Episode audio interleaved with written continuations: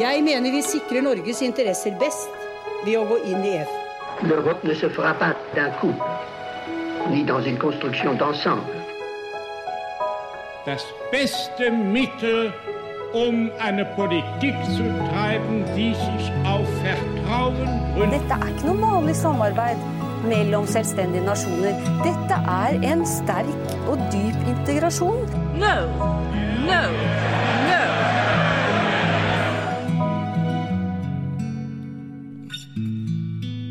Velkommen til Det europeiske kvarter, en podkast om europeisk politikk og historie, med Lise Rye og meg, Kristine Graneng, på programmet for europastudier på NTNU.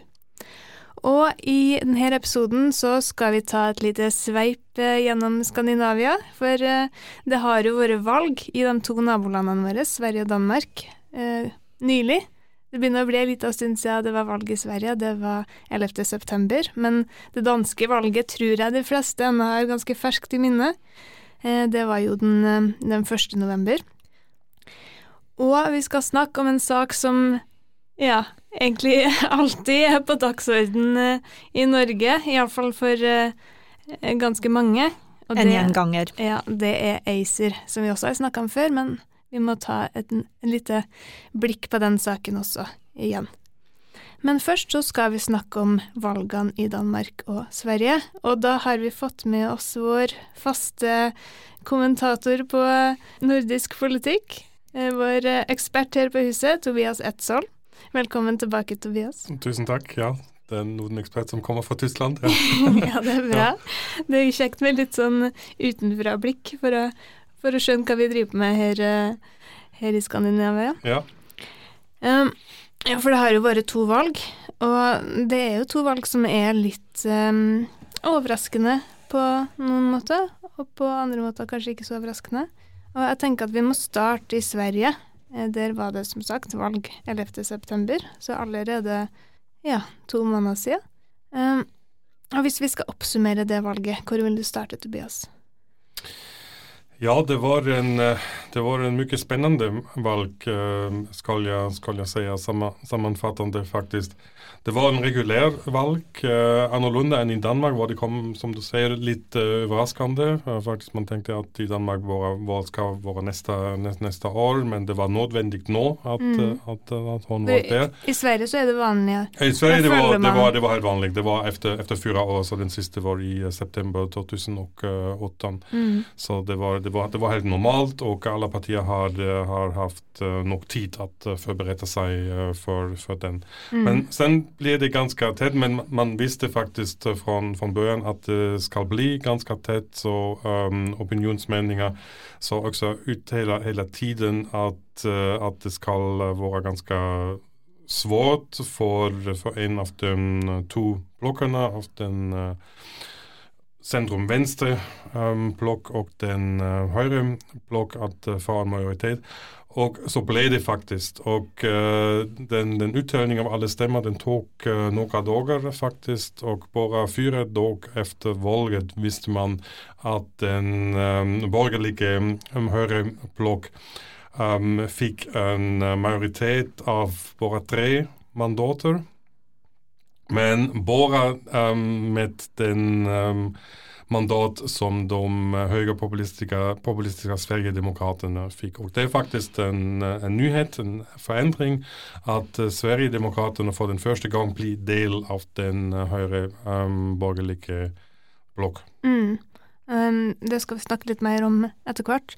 Men en ting som jeg synes er ganske interessant med begge de her valgene, egentlig, det er jo at sosialdemokratene gjør det bra. Ja. Veldig bra. Ja, gjorde det forraskende bra faktisk. De gikk opp med uh, mer enn 2 procent. Um, jeg tror det var, um, måtte si, de, de, de fleste analyster och experter säger också att det var bra at partiet byttet ut uh, sin partisjef og uh, statsminister. Det var Stefan Löfven til, uh, till november i fjor, men sen ble det Magdalena Andersson som var dette finansminister.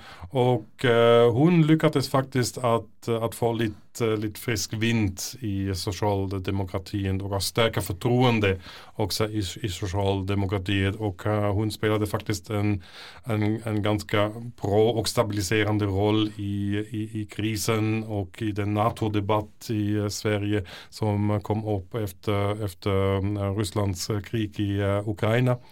Och hon var faktiskt en ganska suverän statsminister så um, Socialdemokraterna profiterade från, från det. Men på andra sidan, de andra partierna i den vänsterblocken um, tappade lite så därför uh, fick den, uh, den vänsterblocken ingen uh, majoritet. Ja. Mm. Mens på den blå, den blå blokka, på den borgerlige sida, så, så var det også store endringer. Eh, ja. og, og, den tydeligste endringen, det var jo at Sverigedemokraterna gjorde et veldig godt valg, ja. og ble større ja. enn Moderaterna. Ja, at Sverigedemokraterna even ble den største parti i den, i den um, høyre borgerlige blokk. Uh, en procent, eller litt mer enn 1 enn Moderaterna.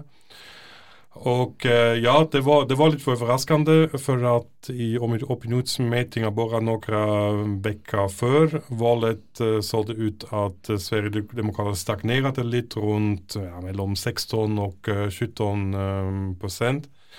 Och de var bak Moderaterna, men sen hade vi nya, nya händelser, nya skjutningar med, med bandekriminalitet och det, där profiterade Sverigedemokraterna um, från. Så den, deras gamla og viktigste temaer, um, kriminalitet, uh, sikkerhet, migrasjon, migrasjon, migration, integration, plötsligt blev ganska viktigt uh, igjen efter, koronapandemien mm. og, og, og, og säkerhetsfrågorna. Uh, Så ja, det er den, det er den store forandring at uh, Sverigedemokraterna ble, ble, ble, større. Mm. Men også, som du nevner, at de ble invitert inn i varmen. Ja, Noe at, som var ja, absolutt. Ganske ja. utenkelig bare for fire år siden. Ja, det var, det var, absolutt helt, helt utenkelig. Så, så de, de, andre borgerlige partiene faktisk brøt med en, med den tabu. De håpet naturligvis deres, deres uh, taktikk eller strategi var faktisk at gjennom å gjøre det, at ta bort velgerne fra, fra Sverigedemokraterna. Mm. Og også gjennom at de, de har faktisk uh, tatt over ganske, ganske mange standpunkter av Sverigedemokraterna til eksempel i i migrations og integrations og kriminalitetsfrågor. Men det lyckades inte faktiskt. Så, så många väljare um, tänkte ja, okej, okay, visst de också gör samma sak, vi kan, vi kan eh, välja originalet. Eller det är kanske bättre att välja originalet. Mm. Så resultatet av det här, både att Sverigedemokraterna vokste i, i størrelse, og at de ble invitert inn, det er at vi får et regjeringsskifte i Sverige etter ja. valget. Og det er en regjering som er ledet av Moderaterne, med Ulf Kristersson. Ja. Eh, og der også Kristdemokraterna og Liberalerna er med. Ja. Men som altså har støtte av Sverigedemokraterna ja. i, i, i, parlamentet, i Riksdagen. Ja. Først var det, var, var det så at uh, Sverigedemokraterna efter, umiddelbart efter var så gjerne endelig skal det være vi eller oss uh, som, som skal lede en regjering. Men um, det var, det var faktisk helt tydelig fra begynnelsen at de skal ikke få en majoritet. Så når, når de skal stille opp, så vi skal lede regeringen, de andre partiene skal ikke ha følget med. Så det var klart, det kan bare bli en borgerlig høyreregjering med um, Moderaterna som bare tredje, tredje største parti i, i, i Sverige. Um, skal, skal bli. Og sen var det lite oklart hvilke andre partier skal, skal um, bli med i komme med i den minoritetsregjeringen, også, også liberalene, eller bare kanskje Moderaterna og Kristdemokraterna. Og äh, ja, Sverigedemokraterna var faktisk for för en tid emot at att skal også ähm, ta plass i regering for at uh, liberalene var den parti som var mye tveksamt og uh, deler av liberalene var emot en samarbeid med Sverigedemokraterna. Men på slutet fikk også liberalene um, blir ble også liberalene en del av um, regjeringen. Mm. Som blir støtt, som du sier, av uh, Sverigedemokraterna. Men Sverigedemokraterna har en ganske stor inflytande. Ja. Ja. Um, i, I det europeiske kvarteret så er vi jo spesielt opptatt av europapolitikken. Og i den svenske valgkampen så, så var jo som det så ofte er, er jo ikke et veldig sentralt tema på agendaen, selv om du har mange store saker som har veldig mye med EU å gjøre, sånn Ja. som energi.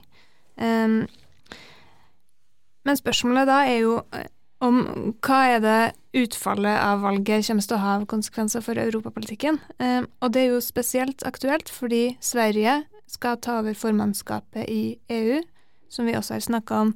Eh, betydning av formannskapet, der vi snakka om tidligere i podkasten, eh, Elise, i vår, da Frankrike hadde. Eh, men da er det jo spesielt spennende å se på hva er denne regjeringa mener om EU, hvilke prioriteringer um, syns den er viktig innenfor EU-samarbeidet. Hva kan vi si om det, Tobias?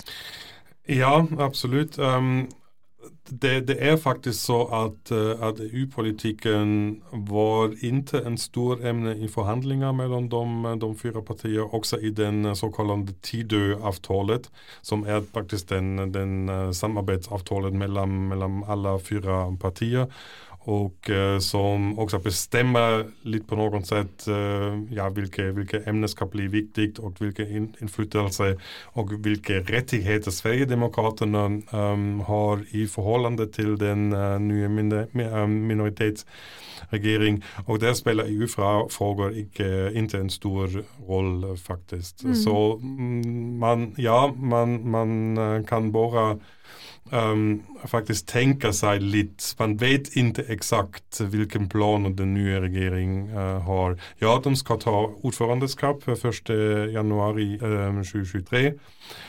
Men de skal faktisk ta over den program som den gamla socialdemokratiska regjering, men naturligvis med, med, med, med støtte og med konsensus i parlamentet har uh, form, formulert. Og den program det faktisk ganske, ganske, ganske ganska, ganska generellt.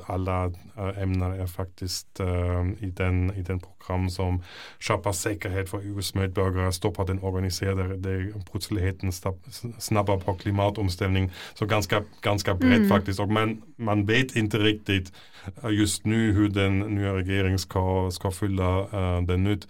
Men generellt kan man tänka sig för att alla partierna um, utom Liberalerna som är ganska EU-vänligt men uh, er, er, litt skeptisk uh, til EU. Så vi vet at Sverigedemokraterna de ville ut EU til några år siden. Mm. Um, um, Og nå vil de ha et veldig forminska Ja, nå vil de ganske eh, förminska den, den inflytande av EU på Sverige og uh, bara samarbeta i noen uh, frågor, men framförallt på en intergovernmentelt sett. Men også Moderaterna og Kristdemokraterna er lite uh, försiktigt, är lite Ja. tveksamt. Och framförallt alla betonar den svenska intressen. mm. Och da kan man, man tenke seg at den engasjement av Sverige i EU um, kan bli litt mindre. Og det var også så, det er også viktig å vite at Sverige var, de var redan tveksamt i noen område, de er ikke i, uh, i till exempel, men de var ganske aktivt i, um, i emneområder som eksempel miljø og uh, klima og uh, jämställning osv. Och um, det ser ut at den nye regeringen, den nye konservative regeringen ska överallt, också på nationellt sätt, inte prioritera så mycket klimat och miljø. miljö. De har till exempel avskaffat miljödepartement som egenständig uh, de departement, så det är en del av, uh, av ekonomiministeriet. Så da kan man tänka sig på grund av det att eh, Sverige ska inte spela längre den, den eh, drivende rollen Mm. på EU-plan men kanskje skal agere mer som en, som en brem, bremser i ja. bremsekloss. Bremsekloss, Mm. ja akkurat. Ja. Ja. Og det, det beit jeg meg også merke i, for jeg har sett på den der regjeringsforklaringa, altså den der eh, talen som eh, Ulf Kristersson holdt eh, i forbindelse med at uh, regjeringa ble, stifta. Og, og det er også veldig tydelig at jeg er jo ganske opptatt av migrasjonspolitikken, og der sier han at man skal legge seg på minst, minimumsstandarder for asylreglement, blant annet. Og også en del andre eh, konkrete politikkområder som viser til, der, der man skal liksom trekke seg litt tilbake. Ab absolut, det gjelder, det gjelder ganske mange politikkområder, faktisk også miljø- og klimapolitikk, at man i den såkalte red reduksjonsplikt, at, at, mindre utslipp, CO2-utslipp f.eks., at man vil også bare, bare um, um, ha den minimumkrav av, av EU, som man vil i noen områder faktisk bare gjøre hva man virkelig må gjøre, men ikke mer. Mm. Vi skal snakke om Danmark også, Ja. um, og der er det kanskje ikke like tydelig at det vil, vil skje så store endringer på europapolitikken. Men først må vi skissere opp terrenget litt, tenker jeg. For uh, hvis det, dere som hører på har prøvd å følge det danske valget, så har det kanskje vært litt krevende. Uh, jeg husker jeg var jo i Danmark da de lyste ut nyvalg, og fikk med meg noen av de første debattene. Og da var det jo 14 partier, 14 partiledere, som sto på rekke og rad. Og hvis det kommer som utenforstående, så er det litt vanskelig å ha kontroll på det. Og mye av grunnen til at det er så mange partier, er jo at det har kommet noen nye partier til også. Men hvis vi skal oppsummere det danske valget, hvor vil du starte, Tobias? Ja, det var, det var også på noen sett en, en spennende valg. Så det var litt oväntat valg. Det ble bare annonsert i begynnelsen av oktober og partiene på grunn av det hadde bare tre uker på seg at, at, at forberede. Og, eh, Men samtidig så var det gans, det var klart ganske lenge før det at det kom til å bli et valg på Ja. et eller annet tidspunkt ganske snart. Ja, akkurat.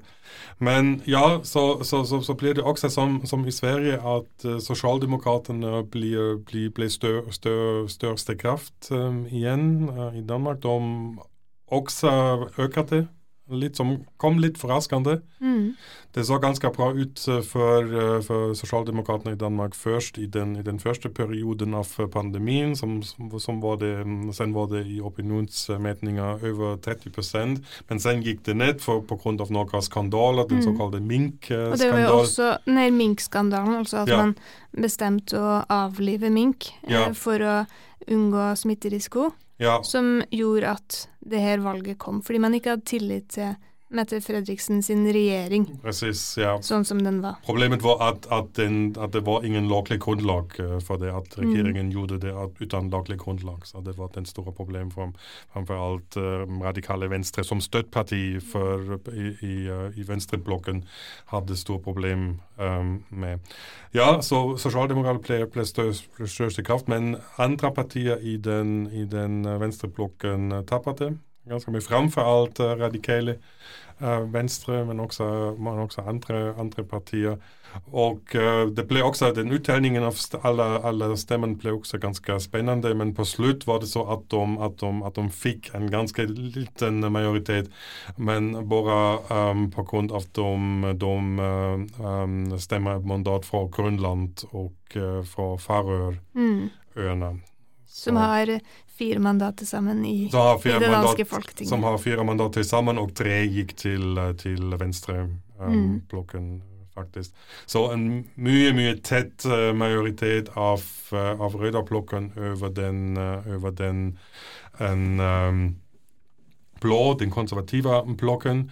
Men de gikk også inte, de gjorde også ikke bra, framfor alt uh, Venstre, liberale Venstre, som Mm. hadde statsminister til noen år uh, siden over en, over en uh, lang tid. Så de gjorde det ganske, ganske dårlig. Også Mm. konservativene gjør det ikke så, ikke så bra. Det har jo vært mye fokus i den danske valgkampen på de her eh, nye partiene. Ja. Og litt skeptisk til at man kaller det Eller det er jo ikke helt nye parti når man ser på hvem som representerer dem, for det er jo etablerte De har partier, vært der for eller politikere. tid. Mm. ja, ja, det er framfor alt Lars Løkke Rasmussen. Mm. um, før dette statsminister for, for Venstre, som uh, lemnet partiet i fjor, tror jeg, og gründet sin, sin egen uh, parti, Moderaterne, faktisk, samme, Mm. samme navn som uh, Sveriges uh, konservativene. Men det er mer en midten, midtenparti, konservativ, liberal midten, midtenparti. Og de, de stod faktisk ensom. De, de gikk inn, inntil til i, en, i en av den blokkene, så det var et, deres egen blokk, faktisk. ja. Så er det jo også der eh, Lars Løkke gikk jo ut fra Venstre, eh, som Ja. du sa. Men man har også hatt en eh, veldig oppbruddsstemning i Dansk Folkeparti, som har tidligere har vært et ganske stort parti i dansk politikk. Og der fikk, eh, som en slags blanding av, av Venstre og Dansk Folkeparti, så fikk man også det nye partiet som er representert av eh, Inger Støyberg, Ja. eh, Danmarksdemokratene, som også gjorde et ganske bra valg. Ja, de gjorde en bra valg. Uh, Inger Støyberg har vært også i Venstre. Hun var migrasjonsminister for Venstre. Ganske restriktivt, ganske, ganske skarpt. Ja, vel, uh, veldig faktisk. restriktiv, tror jeg vi kan veldig si. Ja. Hun, hun, hun firte hver restriktivere restriktivare steg med en torta, faktisk. uh, Så Ja, det var litt populistisk uh, også. mm, Og er også dømt for å Ja. har, har brutt Ja. med loven på migrasjonsområdet. Også dumt. Men den, men den nye partiet de tok bort uh, uh, mange, mange velgere fra, fra Danske Folkepartiet. Så Mm. Danske Folkepartiet gjorde redan dårlig i den, i den førre valg i 2019, men, men nå er det uh, mye, mye um, sämre än, än det så att de var runt 2 grensen som man behöver. I Danmark behöver man 2% att komma in i, uh, i Folketinget. Mm. Så det er vanskelig å gi et veldig sånn strukturert bilde av, av det her, iallfall i lydformat, tenker jeg, men, men jeg håper at, um, at vi har forklart litt av det som har skjedd i det, i det danske valget. Og det spennende nå er jo hva som skjer etter. Når vi spiller inn det her, så er det 9. november, og, og det er ikke noe som er avklart. Eh, og jeg tror heller ikke at vi skal prøve å spå så veldig hva som, hvilken regjering vi får ut av det her. Det vi vet, er at Mette Fredriksen har sagt at hun ønsker en regjering som strekker seg over midten. midten. blockgränserna. Mhm. Ja, For och kunne tale nå med partiene fra både, både kamper, både Mm. Ja. Mm. Um, men, men jeg tenker at vi kan snakke litt om hvilke konsekvenser vi ser, u- eh, ser for oss at, at dette valgresultatet kan ha for den danske europapolitikken.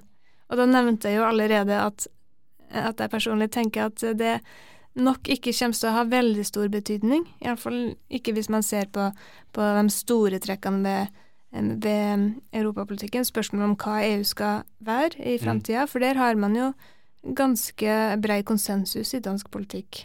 Ja.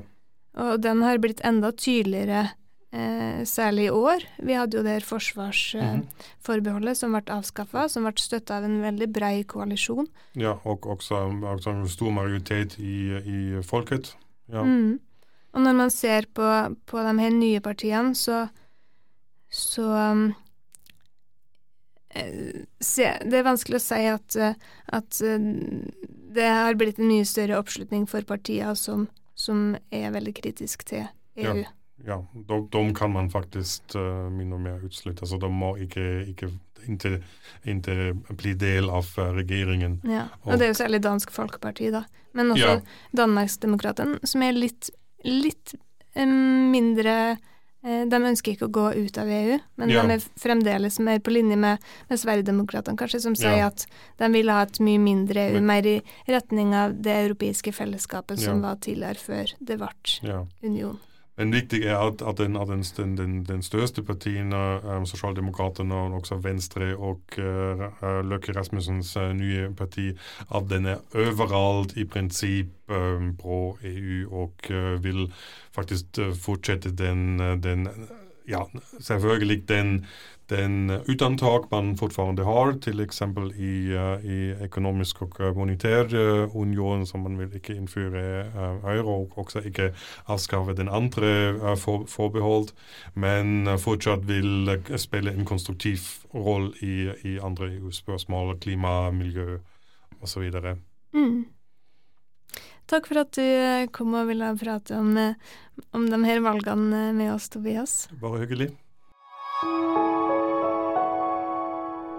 Vi skal som sagt eh, ta en eh, tur innom Norge også på den Skandinavia-turneen vår, eh, Lise, og vi må snakke om ACER-saken, som som sagt ikke går av dagsordenen så fort. Nei, den gjorde ikke det. Nei, uh, ACER-saken, ja, det er jo sånn at uh, Ja, Stortinget vedtok EU sin tredje energipakke i 2018.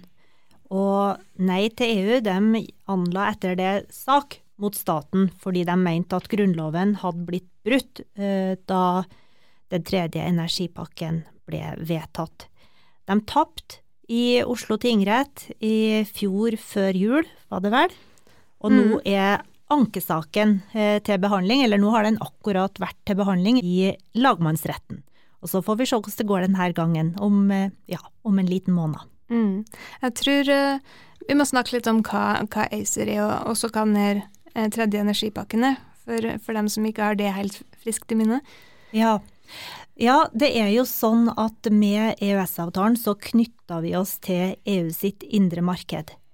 Og EU sitt indre marked, det har etter 1992 blitt veldig mye mer omfattende enn det det var den gangen. Eh, og et av de nye områdene er energi. Så kortversjonen her er at EU ønsker at det indre marked også skal eh, omfatte eh, energisektoren. Og så har man da lagt fram noe til sammen og vedtatt EU fire pakker med lovgivning som skal bidra til å gjennomføre et felles energimarked. Norge har vedtatt eh, tre av de her pakkene. De to første var det ikke så mye diskusjon omkring, eh, men den tredje den har vært omstridt, da. Og det Nei til EU hevder, det- er at eh, Grunnloven ble brutt. For den tredje energipakken, den ble ikke eh, behandla på grunnlag av Grunnlovens 115. Mm, som krever tre fjerdedels flertall i Stortinget. Ja, vi har jo denne eh, paragrafen i Grunnloven som skal gjøre det mulig for Norge å ta del i overstatlig internasjonalt samarbeid. Og den sier at Norge kan avstå suverenitet på et saklig avgrensa område til en organisasjon som Norge er eller er i ferd med å bli medlem av. Og da må jeg skynde meg å si med en gang at vi har ikke Denne paragrafen har jo vært i bruk to ganger. og vi har da altså ikke avstått eh, Altså, vi har avstått suverenitet til EFTA-organer. Mm. Vi er ikke medlem av EU. Nei, og sånn er det jo også i tilknytninga til ACER, at man, det er ESA som er, som er den, det organet som har eh, myndighet her, ikke sant? Ja, det vil bli sånn for Norge. For ACER, da, det her eh, byrået som skal sørge for at reglene praktiseres likt i energimarkedet, de har eh, myndighet. Um, De har for eksempel, altså gjennom den tredje energipakken, så har ACER myndighet til å fatte vedtak hvis det oppstår uenighet mellom, mellom landene. Men hvis Norge er et sånt land, da, så, så vil ESA kopiere det som, eh, det som ACER har eh, bestemt, Mm. og så er det liksom da ESA. Ja, så det, det er en, en slags praktisk omvei for å At det skal henge sammen med det som står i Grunnloven. Det tror jeg absolutt vi kan kalle det. Uh, og det er, jo, det er jo interessante spørsmål det her, for det blir jo et, det blir et forhold mellom delene og helheten. For i Norge så har vi jo da hatt eh, en annen praksis, eh, den her læra om lite inngripende myndighet, som har gjort at eh, vi har avstått små mengder av suverenitet, men vi har Argumentet har vært at det kan gjøres fordi det er lite inngripende. Mm. Eh, Men eh, i sum så blir jo de her små delene, delene ganske store. Mm. Og det er det som hovedargumentet til Nei til EU når de går til søksmål. Jeg skal ikke si at det hovedargumentet, eh, så godt har jeg ikke satt meg inn i det, men Nei TU mener i alle fall at Grunnloven ble brutt, og at energipakken burde ha vært behandlet etter paragraf 115, som altså krever tre fjerdedels flertall. Mm. Det er jo en sak som har eh, Eller forholdet til ACER og norske tilknytninger til det europeiske energimarkedet, det er jo noe som har fått eh, mye oppmerksomhet siste året særlig, nettopp fordi man har, har møtt det i praksis, og, og det spørsmålet om, om hva som er det faktiske handlingsrommet til Norge, det, det har man måttet forholde seg til, ikke sant? Um, og et eksempel på det var jo at um, at um, den norske reguleringsmyndigheten for energi, RME, de fikk uh, i oppdrag å, å uttale seg om hva som er det faktiske handlingsrommet her. Og da sier de det at EØS-reglene gjør at tiltak sånn som eksportrestriksjoner i utgangspunktet er forbudt, så man kan ikke sette begrensninger på, på eksporten som hovedregel. Eh, men samtidig så er det unntak, eh, så tiltakene må være legitime og forholdsmessige. Og da er jo spørsmålet hva er det som er legitime grunner til å, til å sette begrensninger på energieksporten?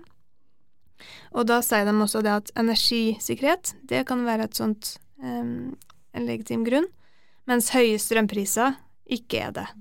Så det fins et handlingsrom der, men det er ikke veldig stort. Mm.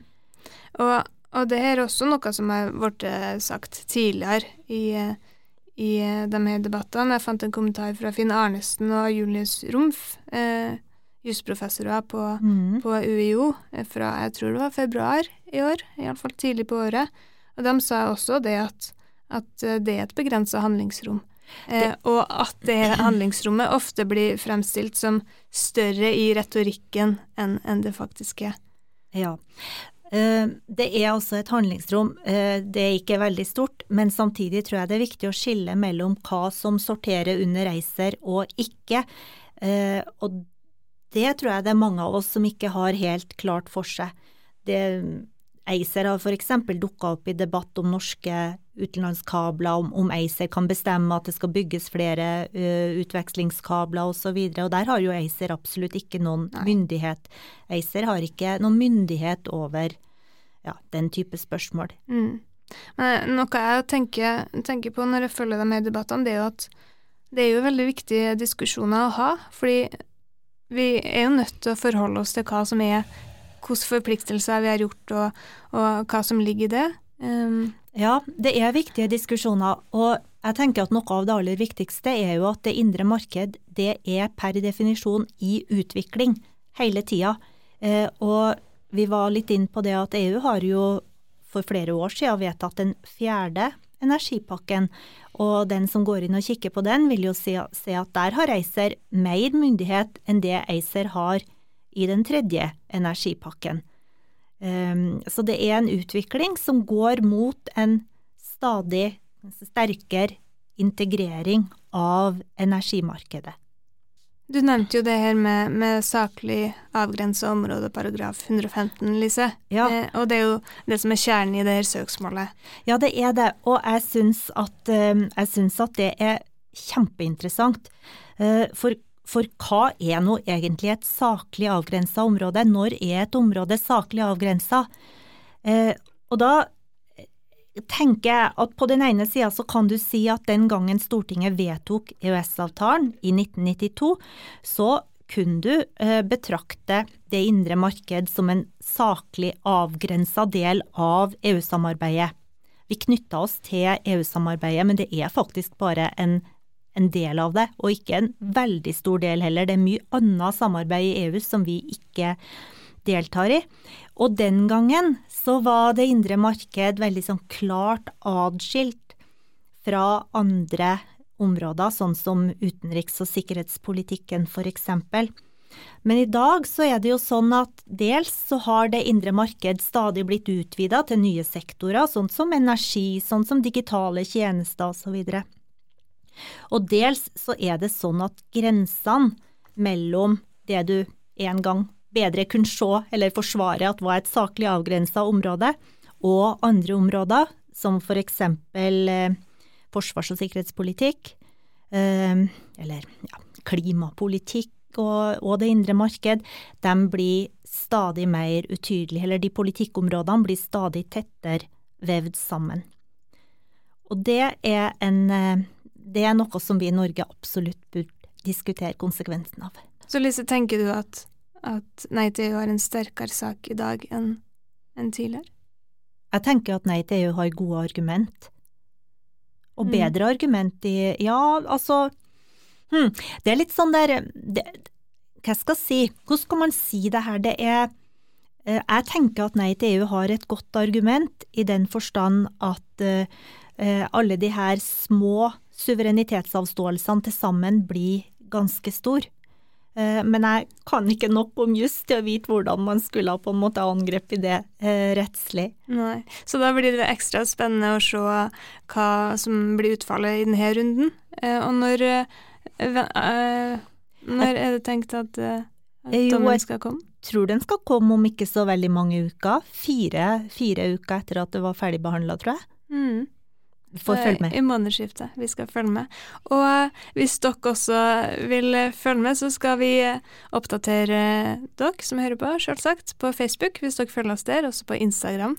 Så deler vi nyheter når de kommer, og også nye episoder. Så følg oss gjerne der.